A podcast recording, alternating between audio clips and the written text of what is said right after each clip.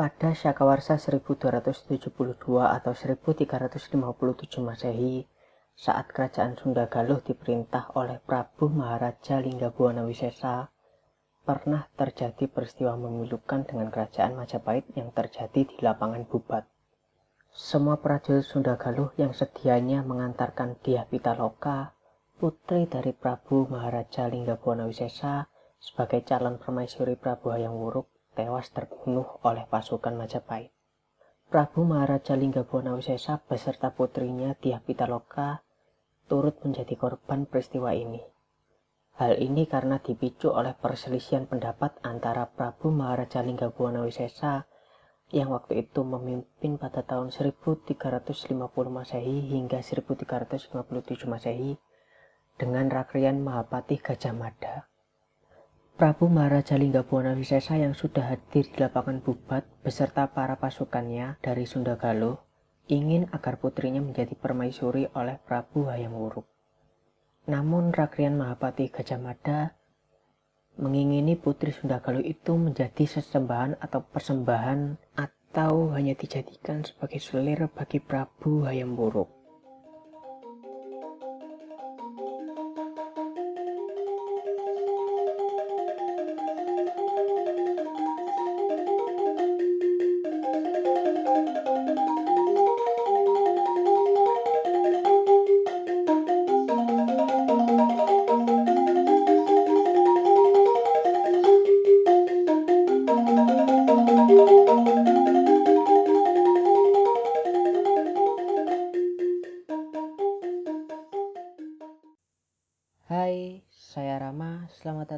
Selamat mendengarkan di podcast yang membahas tentang sejarah dan budaya Jawa.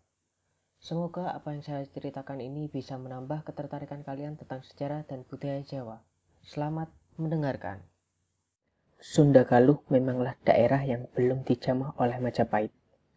Karena Raja-Raja Majapahit masihlah memegang pesan dari Raden Wijaya, pendiri Majapahit yang masihlah memiliki darah dari Sunda Galuh. Pesan yang didapat itu berasal dari kakek Raden Wijaya, yaitu Prabu Guru Dharma Siksa Sang Hyang Wisnu yang memerintah Sunda Galuh pada Sakawarsa 1097 atau 1219 Masehi hingga Sakawarsa 1175 atau 1297 Masehi. Pesan itu berisi bahwasannya Kerajaan yang kelak dipimpin oleh keturunan dari Raden Wijaya jangan sampai mengangkat senjata terhadap daerah Sunda Galuh. Waktu itu Hayam Buruk yang merupakan Raja Majapahit merencanakan untuk menikah. Utusan-utusan pun dikirimkan ke segala penjuru dan telah membawa kembali gambaran-gambaran mengenai berbagai putri. Namun sangat disayangkan tak ada seorang pun yang berkenan di hatinya. Lalu dia mendengar desas-desus bahwa Raja Sunda memiliki seorang putri yang tersohor karena kecantikannya. Dan dia bernama Diah Pitaloka. Tiba pula kedua pangeran dari Kahuripan dan Daha yang merupakan paman-paman dari Ayam Wuruk yang juga mengunjunginya guna menyatakan keprihatinan mereka bahwa ia belum memilih seorang permaisuri Langsung saja yang pun jatuh cinta pada putri yang menjadi perbincangan sedari tadi. Madu yang seorang mantri senior diutus untuk menghadap Raja Sunda, membawa sepucuk surat untuk meminang sang putri. Ia tiba di sana setelah mengadakan pelayaran laut selama enam hari, enam malam, dan menyampaikan surat itu pada waktu yang tepat. Sang Maharaja Linggabwana Wisesa sangat senang bahwa putrinya dipilih menjadi permaisuri oleh Raja Majapahit yang berkuasa itu. Lalu memberitahukan lamaran tersebut kepada sang ratu dan sang putri. Madu pun kembali dengan membawa sepucuk surat yang memberitahukan mengenai kedatangan rombongan dari sang putri Diapitaloka. Tak lama berselang, sang raja, ratu, dan putri bertolak menuju Majapahit, disertai dengan 200 kapal belum lagi kapal-kapal kecil lainnya. Sedangkan di Majapahit waktu itu juga diadakan sebuah persiapan-persiapan besar-besaran untuk menyambut para tamu.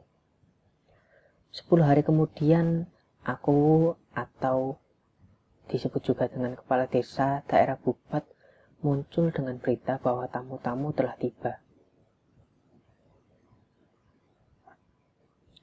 Raja Hayam Wuruk beserta kedua temannya bermaksud untuk berangkat seketika itu juga guna menyongsong mereka dan menyambut para rombongan yang berasal dari Sunda Galuh itu.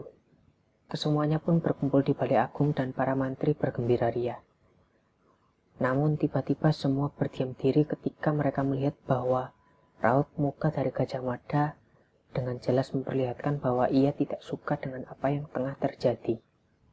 Gajah Mada pun mengusulkan agar Hayam Wuruk tinggal di Balai Agung Majapahit dan menunggu saja. Dan Gajah Mada pun berkata bahwa tidak patut apabila sang raja merendah dan menyambut secara langsung orang-orang yang baru datang itu. Di Bubat, segala sesuatu dipersiapkan untuk menyambut kedatangan sang mempelai beserta rombongannya. Desas-desus mengenai apa yang terjadi di Majapahit pun bocor, dan prajurit Sunda menduga bahwa Raja Majapahit mengingkari janjinya. Patih Anepaken bersama tiga pejabat tinggi lainnya beserta para prajurit bersenjata lengkap diutus oleh Raja Linggabunga Wisesa untuk menuju ke ibu kota Majapahit. Setibanya di sana, mereka langsung menuju tempat kediaman sang patih dan memasuki rumahnya. Patih Anepaken memberitahukan bahwa ia telah datang untuk mengurus sesuatu masalah dan bahwa kapal-kapal akan berlayar kembali. Raja Sunda pun akan segera melangsungkan niatnya, yaitu datang ke Majapahit dan menerima yang Wuruk sebagai anak menantunya. Gajah Mada pun memberi jawaban penuh penghinaan, dan penghinaan itu bersifat pribadi untuk utusan dari Sunda. Ini bukanlah cara yang diharapkan dari sebuah negeri yang harus tunduk kepada Majapahit. Seperti negara-negara bawahan lainnya, maka Raja Sunda pun harus datang dan menyerahkan persembahannya sebagai tanda bahwa ia tunduk kepada Raja Majapahit, yang kemudian bersedia menerima sang putri yang kemudian bersedia menerima sang putri sebagai sesembahan atau persembahan oleh orang-orang Sunda. Semua itu segera diketahui oleh Prabu Maharaja Linggabwana Wisesa. Perselisihan antara Rakyat Mahapati Gajah Mada dengan Prabu Maharaja Linggabwana Wisesa semakin meruncing. Ketika para pembesar Sunda Galuh berkata-kata kasar kepada Rakyat Mahapati Gajah Mada. Sebagai orang yang sangat disegani di seluruh penjuru Nusantara, Rakyat Mahapati Gajah Mada merasa tercabik harga dirinya. Dan dia pun terjun dan perang pun terjadi. Pasukan Sunda Galuh bertekad melawan hingga mati. Dan di lapangan Bubat itu menjadi saksi bahwa seluruh pasukan Sunda Galuh akhirnya gugur tanpa perlawanan yang berarti. Bahkan Sang Maharaja Linggabwana Wisesa pun gugur bersama putrinya Tiah Pitaloka. Peristiwa bubat itu dikenal dengan sebutan Pasunda. Karena Pasunda, Rakyat Mahapati Gajah Mada untuk sementara diistirahatkan dari jabatannya oleh Prabu Hayam Wuruk. Rakyat Mahapati Gajah Mada dipandang telah melakukan kesalahan besar, yaitu melanggar pesan dari Raden Wijaya. Walaupun jabatan Raden Mahapati masih tetap dipegang oleh Empu Gajah Mada, namun kewenangannya untuk sementara dicabut.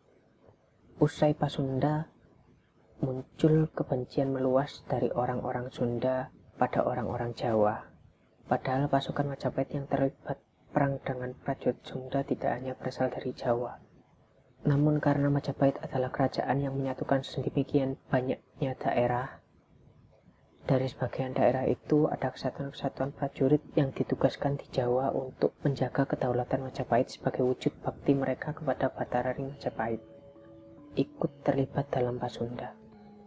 Beberapa kesatuan prajurit dari luar Jawa yang menjaga keamanan ini ikut terlibat dalam Pasunda. Namun kebencian orang-orang Sunda terhadap orang-orang Jawa sudah sedemikian parah.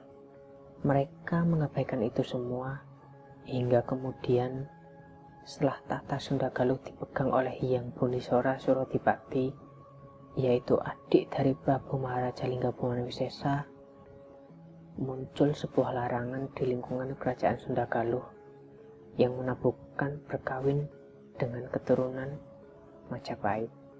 Setelah kejadian itu, Raja Senegara atau yang buruk dinikahkan dengan Sri Sudewi Padugasari yang merupakan putri dari Raden Merta Wijaya Rajasa dengan Raja Dewi Maharaja Diyahwiyat.